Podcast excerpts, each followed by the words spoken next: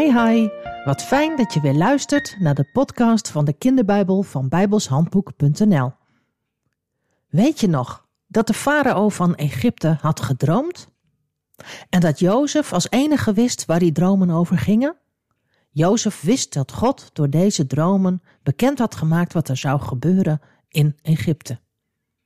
Dat er eerst zeven jaren zouden komen dat er genoeg eten zou zijn, heel veel eten zelfs, maar dat er daarna zeven jaren van erge honger zouden komen.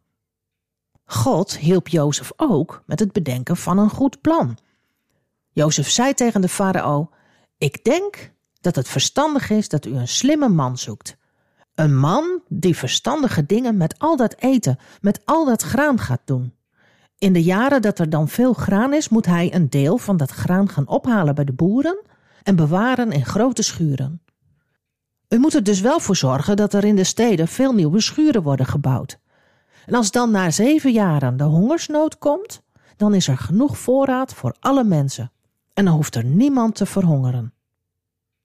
De farao had wel door dat Jozef een bijzondere man was en dat Gods geest hem had geholpen bij de uitleg van de dromen en dat God ook had geholpen bij het bedenken van dit goede plan.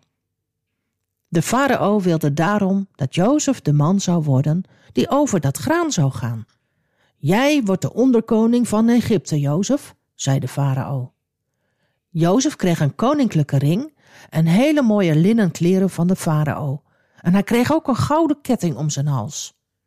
De farao liet hem rijden in een prachtige koets en iedereen moest voor Jozef buigen. Zo kreeg Jozef de leiding over heel Egypte. Wat een veranderingen allemaal.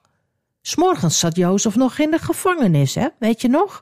En nu was hij opeens de onderkoning van Egypte geworden. Wie had dat nou ooit kunnen bedenken? De farao noemde Jozef vanaf toen Safnat Paanea. Dat betekent verlosser van de wereld. En de farao gaf Jozef ook een vrouw. Ze heette Asnat. Jozef was dertig jaar toen hij voor de farao ging werken. Hij had het meteen heel erg druk en hij reisde heel Egypte door. Hij kwam bij alle boeren langs en elk jaar haalde hij een deel van het graan op. En overal liet hij nieuwe schuren bouwen, want in de eerste zeven jaren was er zoveel graan dat er genoeg overbleef. Er bleef zoveel over dat het niet te tellen was. En Jozef zorgde ervoor dat er een hele grote voorraad graan werd opgeslagen in alle schuren. In die jaren gebeurde er trouwens nog iets moois. Er werden twee kinderen geboren. Jozef en Asnat kregen twee zonen. Ze noemden de oudste Menasse en de tweede zoon noemde ze Ephraim. Wat was Jozef blij en wat zorgde de Heer toch goed voor hem. Toen de zeven goede jaren voorbij waren, gebeurde er precies wat Jozef had gezegd. Opeens groeide er niets meer op het land. Helemaal geen graan, geen koren. De mensen konden toen opeens dus geen brood meer bakken. En daardoor kwam er inderdaad honger. De farao zei tegen de mensen in Egypte: Ga maar naar Jozef, hij zal jullie helpen. We hebben gelukkig genoeg graan opgeslagen. En Jozef deed de voorraadschuren open en hij verkocht het graan aan alle Egyptenaren. Wat was dat een goed plan geweest, zeg, om zoveel graan op te slaan. De mensen konden nu toch gewoon brood bakken. Honger is iets wat heel erg is, hè? Als er geen eten is of veel te weinig, dan worden de mensen mager en zwak. En als dat te lang duurt, kun je zelfs doodgaan van de honger. Gelukkig was er in Egypte geen probleem, omdat er zoveel graan was. Maar in de andere landen ging het niet zo goed. Ook daar was de grond droog en dor geworden. Er groeide niets. En dus hadden de mensen daar geen graan om brood te bakken.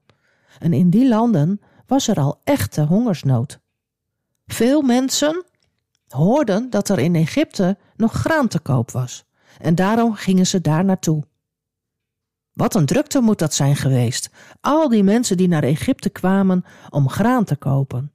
En Jozef verkocht graan aan iedereen die kwam.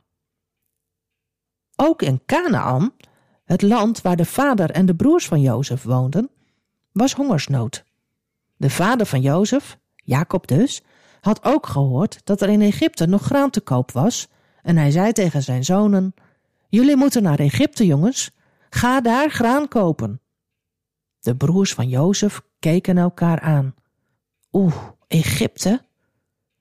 Bij Egypte moesten ze altijd denken aan hun broertje Jozef, die ze hadden verkocht aan de koopmannen van Egypte.